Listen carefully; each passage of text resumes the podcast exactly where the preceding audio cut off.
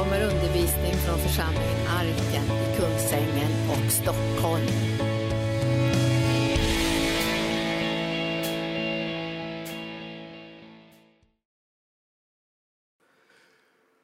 Då eh, så eh, ska vi ta och bedja och så går vi in i själva eh, julevangeliet.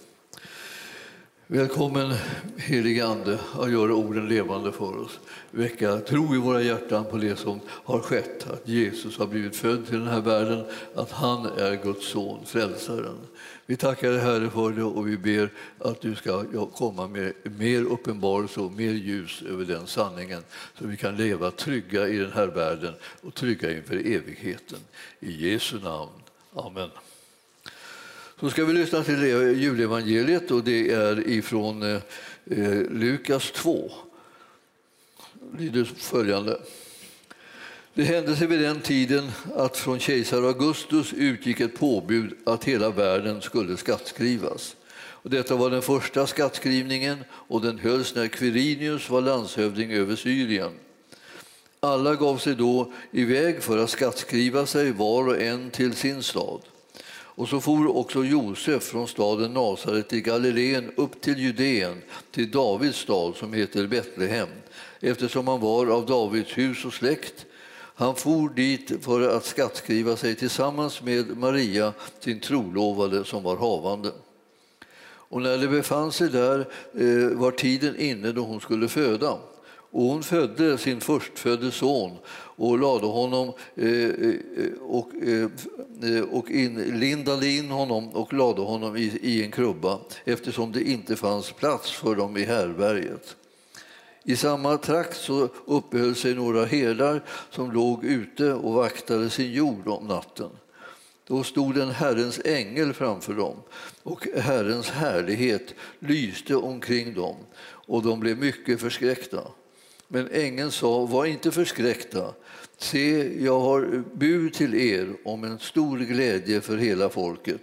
Ty idag har en frälsare blivit född åt er i Davids stad och han är Messias, Herren. Och detta är tecknet, ni ska finna ett nyfött barn som är lindat och ligger i en krubba. Och plötsligt så var där tillsammans med ängeln en stor himmelsk här som prisade Gud. Ära vare Gud i höjden och frid på jorden till människor hans välbehag. När änglarna hade farit upp till himlen sa herdarna till varandra Låt oss nu gå till Betlehem och se det som har hänt och som Herren har låtit oss få veta. Och de skyndade iväg och fann Maria och Josef och barnet som låg i krubban. Och när de hade sett det berättade de vad som hade sagts till dem om detta barn. Alla som hörde det förundrade sig över vad herdarna berättade för dem. Men Maria bevarade och begrundade allt detta i sitt hjärta. Och herdarna vände tillbaka och prisade och lovade Gud för allt de hade fått höra och se, alldeles som det hade blivit sagt till dem. Ja, det här är ju det kända julevangeliet från Lukas och det är ju det eh, som är den, det, julet, julens budskap så att säga, i en, i en liksom komprimerad form kan vi säga. Och eh, eh, vad man får reda på här är en mängd information liksom, runt omkring det här med, med Jesus. Eh, både vem han var och men också eh, vad, vad, när han föddes och vilka som var, liksom, levde samtidigt med honom och så där. Så att man har bestämt det här liksom, i tiden eh, tydligt liksom, när, han, när han kom till världen. Och det står om kejsar Augustus här och honom känner man till så pass mycket så att han var ju eh, liksom en världskändis på den här tiden. Han var ju den som hade den stora makten i romarriket så det var inte liksom någon liten bagatellartad sak och han hade satt igång en, en order om en, en skattskrivning dit alla människor skulle ta sig till de ställen där de, de så att säga var födda. Och, eh, och, och, då skulle de tillbaka alltså till huvudstaden för sin släkt och, och sitt sammanhang och den stam som de tillhörde. Och det, så, eh, därför så kom Josef, som egentligen bodde i Nasaret, att ta sig till Betlehem det var ju en, en, en bra bit. Och eh, eh Maria var havande och de fick eh, resa där och, eh, och hon, förmodligen så kunde hon få möjlighet att rida på en åsna. Det, det, är ju mer så som man bara fantiserat kring det men, men man vet inte riktigt hur hon tog sig fram. Man hoppas att hon fick på något sätt ta sig på ett annat sätt än bara gå. Men alltså det var ju, inte, det var ju eh, väldigt speciellt det här och eh, när de, när de går fram då så var det fullt med folk överallt. Så de fick ingen plats i härberget utan fick leta sig fram till småningom till någonting där man stoppade eh, liksom in djuren under, över natten och det var kanske någon form av grotta eller stall av någonting sådär. Och där, där var de nu och då fick de använda sig av krubborna och lägga barnet i det när det väl föddes. Ja, under den här tiden var det också i, i Syrien en, en man som heter eh, Quirinius. Och även hans liksom, eh, årstal tal känner vi till. Och, eh, och, I många biblar så står det lite information om det här. Och de säger, då, står, då står det om Quirinius eh, när, när, han regerade. Och för det första var det då att Augustus regerade från 30 före Kristus till 14 efter. Alltså han hade en ansenlig, 44 års regeringstid, hade kejsar Augustus. Alltså han, han hade en förmåga liksom att kunna sitta ganska stadigt på tronen och hade kontroll över detta jätterike som nästan säga, för många bara var att han regerade över hela världen. Hela den kända världen. Man känner inte till nästan någonting utanför där. Det finns lite vildar så där i norr då. Det var väl vi då. eller våra ättlingar. Och sen var det liksom, de, de liksom i, i öster längre ut så var det ju stora riken som man då och då krockade med. Men annars var, var, visste man inte vad det här rörde sig om. En annan som regerade då naturligtvis var Herodes. Och det var han som var eh, kung eh, eh, för närvarande då i, i, i Palestina. Och, och hans regeringsår de var ju 37 Eh, eh, före Kristus till eh, fyra före Kristus. Och det betyder det att man måste tänka sig liksom att Jesus föddes Eh, eh alltså tidigast fyra före Kristus. Alltså, alltså, alltså, det, alltså, eller senast, kan man säga. För, före Kristus måste han bli född. Så att tidräkningen som han bestämde långt senare liksom räknade liksom det här, rörde till det och hade eh, andra, andra mått som man gick efter. Och därför så blev det så här. Eh, att man bestämde att eh, Kristus, eh, hans födelse skulle vara nummer liksom noll eller så. Sen så skulle liksom tidräkningen komma. Men nu, nu visade det sig då hade inte Herodes varit med för då var han redan död. Så att det här, det här blev så man måste backa det här och man måste korrigera det här. Och det är någon som kommer på det. Han, inte ens, han liksom föddes inte ens när han föddes, jag säga. Eller så här. Nej, nej, det kan ju låta så. Men, men det är ju så att man räknade helt enkelt fel när man, när man bestämde det här med tidräkningen. Så att eh, eh Herodes gör ju det att det, när, från, i vår tidräkning sett, om vi går tillbaka, så var det så att eh, förmodligen liksom, eh, så var han född någonstans före eh, år 4 före Kristus. Kristus. Eh, och eh, det, eh, och det är samma sak när vi håller på och talar om hans död. När exakt var det? Ja, det beror på den här tidräkningen igen, hur, hur det blev. Och då var det någonstans 29 eller 30 efter Kristus så dog han då på korset. Och det, men då, då hade vi också den här Quirinius. Och, och Quirinius han, han var verksam 12 före Kristus till 16 efter Kristus. Så därmed så var han liksom verkligen under den tiden Jesus föddes. Och så här fick, på det här sättet nu fick vi lite eh, liksom tidangivelser. Sen finns det ju en del som tänker så här att eftersom det kom en stor stjärna där så måste det vara någonting eh, som hände då mellan planeterna och så här. Och så börjar man titta på planeterna och så tänker man att det måste ha varit någonting som man tolkade som att det blev, en, blev, blev ett sånt här ljussken. Och då eh, brukar man prata om Jupiter och Saturnus kommer liksom i ett visst läge i förhållande till varandra så då uppstod ett väldigt starkt sken. Men, eh, och det hände sju före Kristus. Eh, så eh, då var det ännu längre tillbaka i så fall om man vill ha det. Nu är det inte så att vi eh, är intresserade av att få en, en, en, vad ska jag säga, en världslig förklaring på ett andligt ting.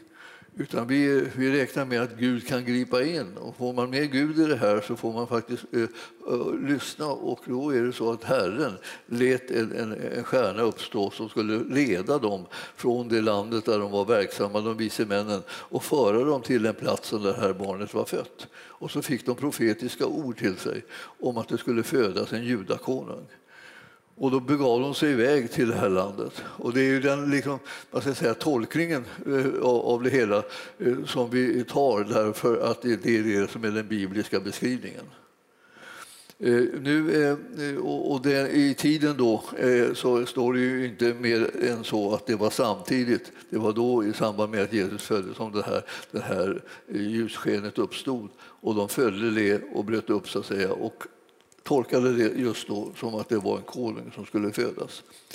En annan som tolkade det som att en konung skulle födas och blev liksom väldigt nervös det var ju Herodes. Herodes eh, den store, som det heter, han, han var ju på många sätt en galning. Han hade liksom en fruktan eh, utan like över att liksom någon skulle dyka upp och kunna ta makten ifrån honom. Och därför så, så, så, så dödade han folk liksom runt omkring sig, inklusive folk i sin egen familj när de började bli på något sätt några, ge några slags tecken på att de var intresserade av inflytande och makt. Och, och då gjorde han processen kort med dem. Så han, det, var, det var en otäck, otäck man. Det där. Och han, eh, han gav sig till då, han ville ha reda på var var det här barnet fött. Och han sa till de vise männen att nu vill jag få information. Så ni kommer tillbaka sen när ni hittat barnet och så talar ni om för mig var det är någonstans. Men eh, de fick ju en vägledning så småningom av en ängel i en dröm att de skulle bryta upp och dra sig därifrån och inte tala om var barnet var. Så de, de försvann över gränsen och, eh, eh, och tillbaka till sitt land. Och då blev han ju så för, förskräckt över hela den situationen, Herodes, att han kände att nu, nu måste jag göra något radikalt här. Eh, när det här barnet hade fötts, ja, han, han visste ju inte riktigt, så han tog en marginal på två år. Så att han eh, eh gav sig liksom iväg och, liksom, och eh, eh, skickade ut soldater för att eh, eh, döda alla barn så att säga, eh, som var upp till två år. Och det blev ju en fasansfull eh, eh, slakt och, och hemskhet i det Och det, det, det, var ju som att det, det blev en, en sån gråt. Och man har ett profetiskt, ett profetiskt ord som handlar om det där. Alltså, att de här, det var ett, ett, ett, ett gråt och en klagan liksom som uppstod som från den här starten blev som ett talesätt nästan. Att man, man grät så fruktansvärt över att barnen inte längre var till. Det här, det här var ju en, en eh, fruktansvärd händelse. Han var, han var ju också en, en oerhört våldsam man på alla sätt och farlig. Och eh, därför så fick de sen instruktioner, eh, den heliga familjen, alltså Josef och Maria och Jesusbarnet fick instruktioner att bryta upp Eh, och ta sig ner till Egypten. Och när det där skedde, lite, lite svårt att bestämma lite grann, men det, de kom i alla fall ner där och stannade där tills, eh, tills Herodes hade avlidit. Så eh, när han hade avlidit så vågade de ta sig tillbaka till i, i, landet igen. Och det gjorde de först när de fick en maning genom en ängel här igen att de skulle bryta upp från Egypten och, och, och åka tillbaka. Så att ni, ni, det man ser här är hela tiden att det är andliga förklaringar till vad det är som de gör och vad det är som händer. Och det är de andliga förklaringarna som vi egentligen söker. Vi, vi, vi, söker inte liksom bekräftelse på att Jesus eh, eh, har funnits eller, eller, eller att han har funnits just samtida med den och den utan vi bara märker att Herren eh, har satt in människor och, och nämnt deras namn för att man ska veta att han är en historisk person. Alltså. Och, eh, och det här är, här är mer än nog på det. Eh, och många har ju hört och läst i historien och man tänker att saker och ting är väldigt säkra. Och ibland säger man att, att Jesus kanske liksom inte är riktigt verklig. Men det, det, då när man bestämmer vilken tid han har levt och vilka som regerade samtidigt och, det här, och fastslår de här tiderna och punkterna, då är det fullständigt historiskt belagt att han, han har funnits den där tiden och han, han, han existerade. Och man ser vad man gjorde med honom och man ser vilka vittnesbörd som kom ut genom de övriga människorna där. Precis som när Jesus uppstod så var det någonting som hände som var så radikalt annorlunda eh, som var väldigt roligt egentligen på något vis att höra om. Och det var det att, att Eh, Eh, man, inom psykologin så hade man ju liksom sagt att allt det här var ett önsketänkande. Men så, så visade det sig, då, då avskydde man eh, några särskilda bibelställen som liksom spolierade hela teorin att det skulle bara vara en fantasi. Och det var nämligen att alla, eh, upp till 500 män samtidigt såg Jesus som uppstånden vilket var en psykologisk omöjlighet om det skulle handla om en kollektiv fantasi. Så att säga. Alla fick liksom samma, samma, samma ryck samtidigt. Eh, det, det var helt otänkbart. Och då tänkte man att man måste få bort det där, så man försökte hoppa över den där texten. Liksom. För att den, den, den sa, ju, sa ju någonting som man inte ville få sagt. Nämligen att det var visst alldeles säkert att Jesus var liksom en verklighet eftersom så, så många människor på en och samma gång kunde se honom som uppstånden. Så att det här är sånt där som, när vi läser de här texterna så finns det liksom lite kommentarer ofta i våra biblar. En del av de där kommentarerna kan vara lite intressanta men en del, men en del är liksom mera bara eh, blaha blaha så att säga om jag får uttrycka mig så. De är liksom inte någonting som vi är intresserade efter. Vi söker eh, frälsaren. Och Jesus han är ju den som, vi, som varje människa behöver ta emot i sitt hjärta. Det räddar henne. Det gör henne liksom, eh, att hon blir delaktig av det som vi allihopa längtar efter och hungrar efter hela tiden och som är det bland det bästa som man kan få, nämligen Guds frid som övergår allt förstånd. Ibland säger vi det som en hälsning. Guds frid som övergår allt förstånd bevara era hjärtan och era tankar i Kristus Jesus. säger vi. Alltså det, är den bästa önskan man kan ge någon. Man, man säger det här till dem och det här är precis det de behöver. För allting annat som jagar dem på olika sätt och allt bekymmer som finns och alla svårigheter, allting man brottas med och alla olösta problem och så här. Det, det, det, är inte det som man, genom att man mediterar på det så blir man inte liksom fri från det, utan genom att man tar emot Guds frid som övergår allt förstånd då kommer han bevara våra hjärtan och våra tankar, alltså vår ande och vår själ så att vi liksom eh, blir kvar i Kristus Jesus oavsett vilka omständigheter vi just har. Man behöver inte låta omständigheterna tala om för sig hur man ska må utan man låter Herren säga hur man ska må. Och, det vill säga, han, och han säger min frid ger jag er. Och det där är så underbart alltså, när Herren talar på det här sättet. Det här gör han ju i Johannes evangelium. Alltså, Herren kommer upp som uppstånden och säger min frid ger er. Jag ger inte den så som man ger den i världen, utan jag, jag ger den på liksom ett helt annat sätt. Det här är någonting som är, är varaktigt och tar sin boning i ditt inre och som rustar dig för att kunna leva i den här världen utan fruktan. Det är så fantastiskt när, när vi som kristna kommer får tag i det där med friden och får den där balansen invärtes så att vi inte låter oss liksom dribblas med hit och dit av alla konstiga omständigheter som vi hamnar i. Alla svårigheter som vi möter, alla sjukdomar som, eh, som attackerar oss. Liksom alla omständigheter som är sådana där som bryter ner oss med oro och bekymmer. Så kommer Herren och säger nu, nu, om du nu släpper det där fokus åt det hållet och så fokuserar på det som du har fått av mig, nämligen min frid. Och då blir du en övervinnare i situationen fastän kaoset är, kan vara på full gång runt omkring dig. Så du, du, du, måste, du måste välja vad du ska ge din uppmärksamhet till. Och Herren säger alltså, nu ger jag dig någonting som du behöver. Och det är det här med frid.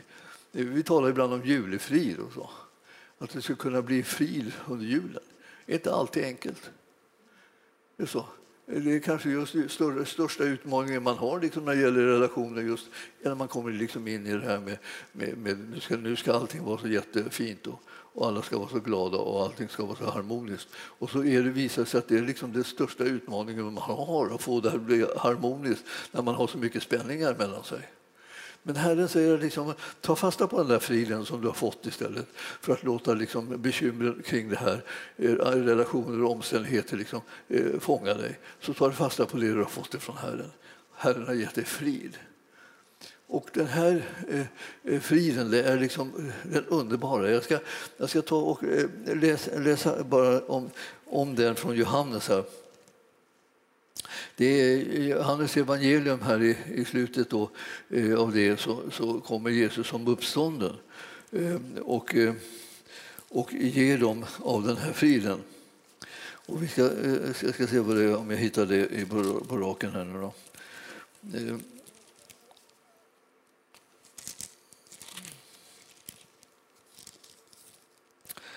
om inte...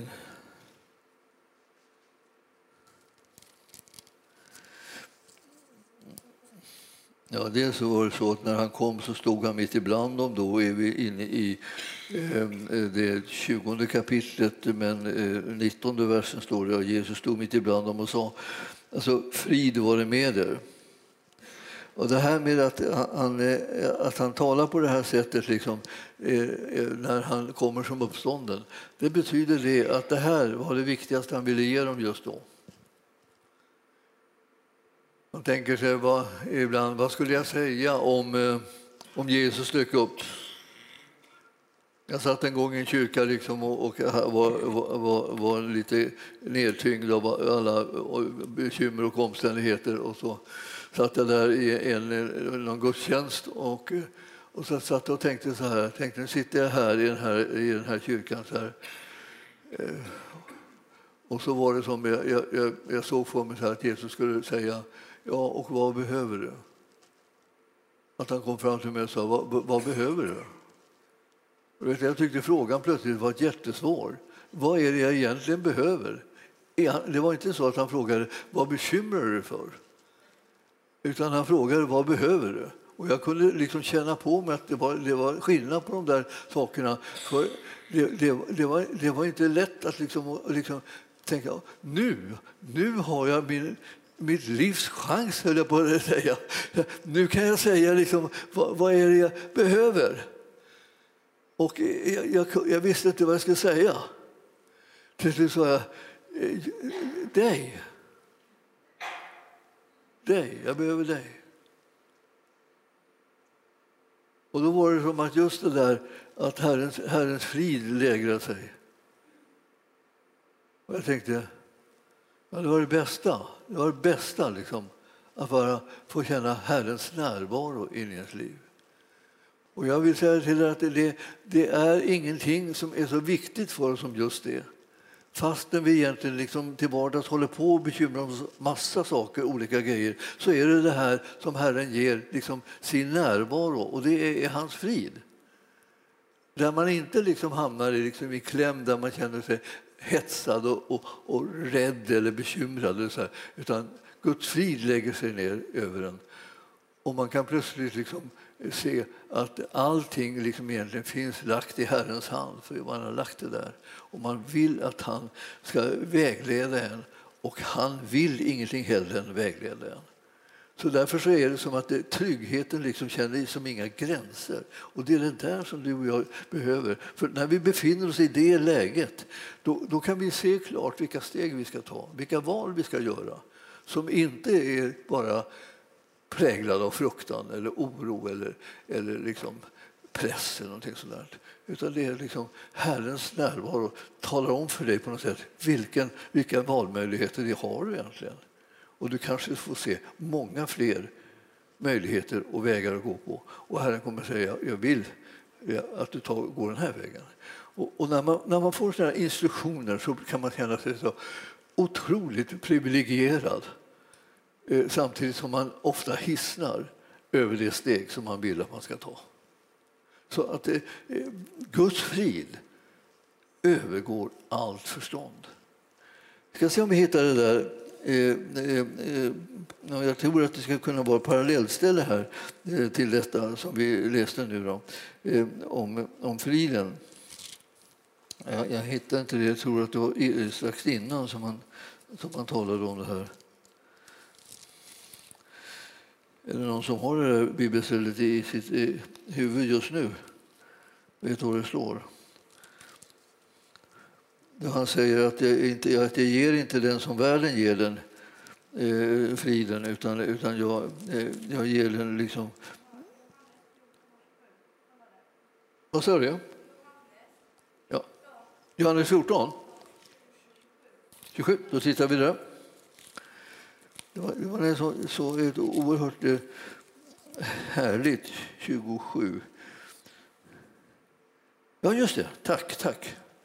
Eh, eh, 14 och 27, där står det så här. Frid lämnar jag efter mig åt er, min frid ger jag er. Inte ger jag er en sådan frid som världen ger. Låt inte era hjärtan oroas och var inte modlösa. Visst är det underbart?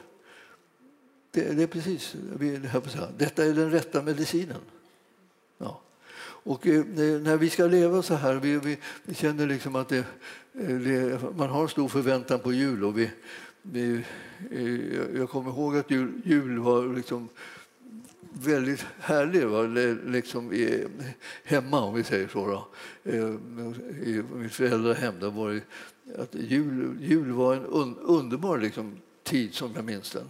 Det fanns mycket liksom, Eh, mycket, mycket lekar och mycket kul för, för oss som var barn. Och det fanns, och det fanns liksom gudstjänster så, och det fanns liksom, eh, eh familjebön och det fanns eh, julklappsutdelning. Och, det, och, och tomtar, till och med sådana okända tomtar dök upp ibland. jag, jag, funderade, jag funderade än idag vad det kunde vara för en människa som kom, plötsligt kom och ringde på dörren. Och, och vi var ju alla där då. Jag hade mina föräldrar arrangerat med någon. Men jag försökte fråga, men det vart aldrig någon klarhet. Men det var så roligt. Och en, en jul som var den absolut mest, mest kännbara julen som jag minns så starkt var den när, när, eh, när mina föräldrar hade sagt innan att eh, ni får inte bli ledsna barn, men den här julen eh, så har vi inte råd med några julklappar. Så det blir inga julklappar den här julen. Och du vet att självömkan, den grep sig eh, kring oss. Och vi var tre barn och vi gick in och satte oss under flygeln. Det var en flygel som pappa, han var kantor, han hade hemma. Och vi gick in och satt under flygeln och grät självömkanstårar över att vi skulle inte få en enda julklapp. Alltså, det var som värsta, det kan inte ha hänt någon i hela världen förut och, och nu hände det oss. Och där satt vi och hulkade och grät liksom över detta. Då. Ja, ja så vart det ju liksom, eh, så småningom jul. Då, och, och, och, och då så kom det där, den där jultomten plötsligt med presenter till oss. Vi fick en present var. Och det var en väldigt enkel liten present. Men det var ju den där presenten som var absolut oväntad. Och eh, jag, jag, kommer ihåg den än idag, för den var så annorlunda. Jag skulle aldrig någonsin ha önskat mig en sån. Eller något. Eh, men det var en liten gummifisk som man kunde liksom suga in lite vatten i så att den kunde gå på olika eh, djup i badkaret när man badade. Och den där fisken hade jag i åratal med, med mig när jag badade. För, för det, liksom, det, var, det, var, så fantastiskt att jag fick en julklapp. Alltså. Alltså, jag var gladare över den julklappen tror jag, liksom, än någon annan julklapp som jag fått. De andra kommer jag inte ihåg. Jag kommer ihåg den där. För den var, hade, jag, hade jag absolut inte räknat med. Och de har förvarnat mig och sagt ni får inga julklappar. Vi, vi, vi går inte i land med det. Vår ekonomi håller inte för det. Och så, och så fick vi det där. Jag vet inte vad de andra fick. De fick också en. Men, men eh, det där för mig var liksom oförglömligt. Men så småningom har jag lärt mig att den julklappen som eh, jag fått eh, genom att få eh, en frälsare är den absolut bästa. Jag är inte särskilt intresserad av liksom julklappar liksom längre. Det, det, kan hända att man växer ifrån det en del med åren. Men, alltså, men, men, det här, men, men, men Jesus alltså, är det bästa som någonsin har hänt mig. Och jag, och jag antar, har du mött honom, då vet du det. Alltså han är det bästa som har hänt. Och eh, att få ge den, den vad ska säga, vidare, det är någonting som betyder någonting. Att eh, alltså, älska Jesus och följa honom och ära honom. Och den trygghet som det ger, den, den saknar all, all, alla, alla jämförelser.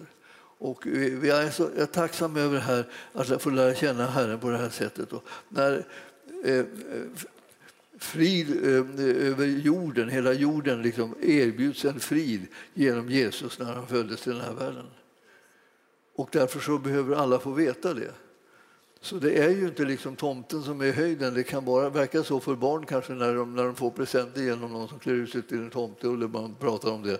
Men ni vet att eh, det är Jesus som är centrum. Och vi, eh, vi behöver liksom hela tiden påminnas om det. Och det, det, fanns ju, det fanns ju i min uppväxt hela tiden, det här med, med Jesus. Det var inte så att jag trodde att vi hade jul för, att, för tomtens skull eller så. Utan vi visste att det var Jesus som var det. Han, han var, han var liksom i, i centrum i allting som vi höll på med. Och, och, det, och när jag var en gång var vuxen, eh, liksom, eller vuxen, jag var i tonåren då, skulle jag inte eh, och jag tror att jag berättade för jag skulle inte eh, gå i kyrkan. För jag tänkte att eh, eh, mina föräldrar bestämmer att vi ska gå i kyrkan. Kyrkan låg på andra sidan gatan. Eh, bara, bara gå över gatan så kom vi, så kom vi in i kyrkan. Och, och, och min pappa jobbade där. Men jag sa jag skulle inte gå i kyrkan. Och jag, jag, ville demonstrera att det är jag som bestämmer om jag går i kyrkan eller inte går i kyrkan. Så jag då, då bestämmer jag att jag går inte i kyrkan. Och jag är tacksam att ni inte har bestämt er för att göra så. Men ni förstår att, eh, jaha, jaha, sa pappa, du ska inte gå i kyrkan, du ska inte fira jul. Nej, jag ska inte gå i kyrkan. Så. Jag firar jul på mitt sätt, sa jag då. Oj, oj. Alltså, eh, det var pinsamt när jag såg på det här lite i backspegeln, hur dum man får bli ibland. Alltså. Men vet, jag trodde ju inte att saker och ting fick några konsekvenser, men det, det, det fick det. Så då gick då familjen i kyrkan och jag satt där ensam hemma och trummade, hade ingenting att göra, jag bara satt och glodde där. Jag tänkte vänta på att de skulle komma tillbaka då så vi kunde äta och, och få julklappar och alltihopa. Så här. Och, och, och, och, så när vi kom upp så sa jaha, sa pappa, så här, du ska ju inte fira jul så eh, du kan gå in på ditt rum så, så vi, vi, vi, vi gör i ordning lite vanlig mat till dig. Va? Ja. Vanlig mat? Ja, ja, visst. Du kan äta sen själv efteråt när vi har ätit färdigt, sa han. Och, eh, och, sen, sen, och några julklappar blir det ju inte, liksom. du ska inte fira jul. jag tror liksom, och nu då, då hade jag satt igång hela den där apparaten. Jag förstår, jag kunde jag inte backa den, jag skulle börja backa den. Va? Jag, skulle, jag skulle gå i kyrkan, liksom, jag springer liksom ner, gå i kyrkan för glatta livet. Liksom, för det här. Men alltså, jag blev utan julen. Första gången, alltså, jag har aldrig hänt mig sedan dess, alltså, men, men, jag blev utan jul. Jag fick ingen julmat, jag fick inga julpresenter och jag fick inte vara med. Så det jag valde fick jag. Milde tid. Gör aldrig om det. Och jag rekommenderar allihopa, pröva inte det där. Spring till kyrkan. Var med. För det är liksom, liksom, man måste få dela glädjen. Glädjen är inte bara någonting som man, som man bara hittar på. Utan glädjen är det att man delar julens budskap, det som är själva innehållet, med varandra. Och man, man, man behöver ha del av det för att Guds frid ska kunna komma och lägga sig igen. Annars så sitter man där i kylan. Och jag prövade på att sitta där i kylan. Gör aldrig om det. Gör aldrig om det. Så. Och det, tänk att alltså, liksom ett litet beslut ska få sådana konsekvenser. Jag trodde att jag bara skulle demonstrera att jag, jag, jag gör vad jag vill, jag bestämmer mig själv. Ja, visst, det fick, jag, fick jag ju också då. Och jag fick allt som jag hade bestämt själv och mer därtill tyckte jag. Jag hade inte en aning om att det skulle kunna bli så där. Eh, och, men min pappa han kunde ibland bli konsekvent. Och pang så var det konsekvent. Och där satt jag. Jag kommer ihåg det. Jag fick, jag fick äta någon sån här vanlig, liksom, de har värmt på någon maträtt från tidigare som jag fick äta för mig själv. Så det, det präntades in att, liksom, att mina val får med sig konsekvenser. Och eh, om jag väljer rätt så blir det bra. Väljer jag fel blir det som det blir. Och, eh, Eh, eh, det känner jag liksom ibland är en översättning liksom på en liten enkel illustration av eh, hur, ska jag göra, hur ska jag göra med Jesus. Jag menar, det, det är honom som det egentligen handlar om i den här julen också. Alltså, väljer, du, väljer du honom eller väljer du liksom bort honom? Och, och, och, och, och erbjudandet är välj honom. För allting får konsekvenser och även det här med att välja Jesus. Utan Jesus så, så går vi förlorade. Med Jesus blir vi frälsta och får evigt liv. Så, vi väljer Jesus. För det är en absolut gratis gåva. Och när vi har honom så har vi livet och då har vi allt vad vi behöver. Och då lägrar sig Guds frid i våra hjärtan. Och då behöver vi inte vara rädda eller oroliga för någonting, för han har allting i sin hand. Tack himmelske Fader att du har sänt din son. Tack för att du har givit oss Jesus som är vår frälsare, som är vår räddare, som är vår försonare, vår förlossare. Vi tackar dig Herre för att han tillhör oss och vi tillhör honom. Tackar för att han har frälst oss och tagit sin boning i våra hjärtan. Han har godkänt oss och rättfärdiggjort oss. Och han har också eh, blivit den som är vår läkare, som är vår befriare, så att hans goda vilja ska kunna ske. Vi tar emot hans frid, Herre, på livets alla områden och vi lägger undan och klär av oss liksom all oro, all, all spänningar och all uh, otrygghet och tar emot den trygghet som finns hos Jesus. Vi klär oss i honom precis som, som en klädnad som skyddar oss, en, en mur som är runt omkring oss som gör att vi ingenting kan skada oss längre. Vi, vi vandrar tillsammans med honom och vill förhärliga hans vilja i stort och smått. I Jesu namn. Amen.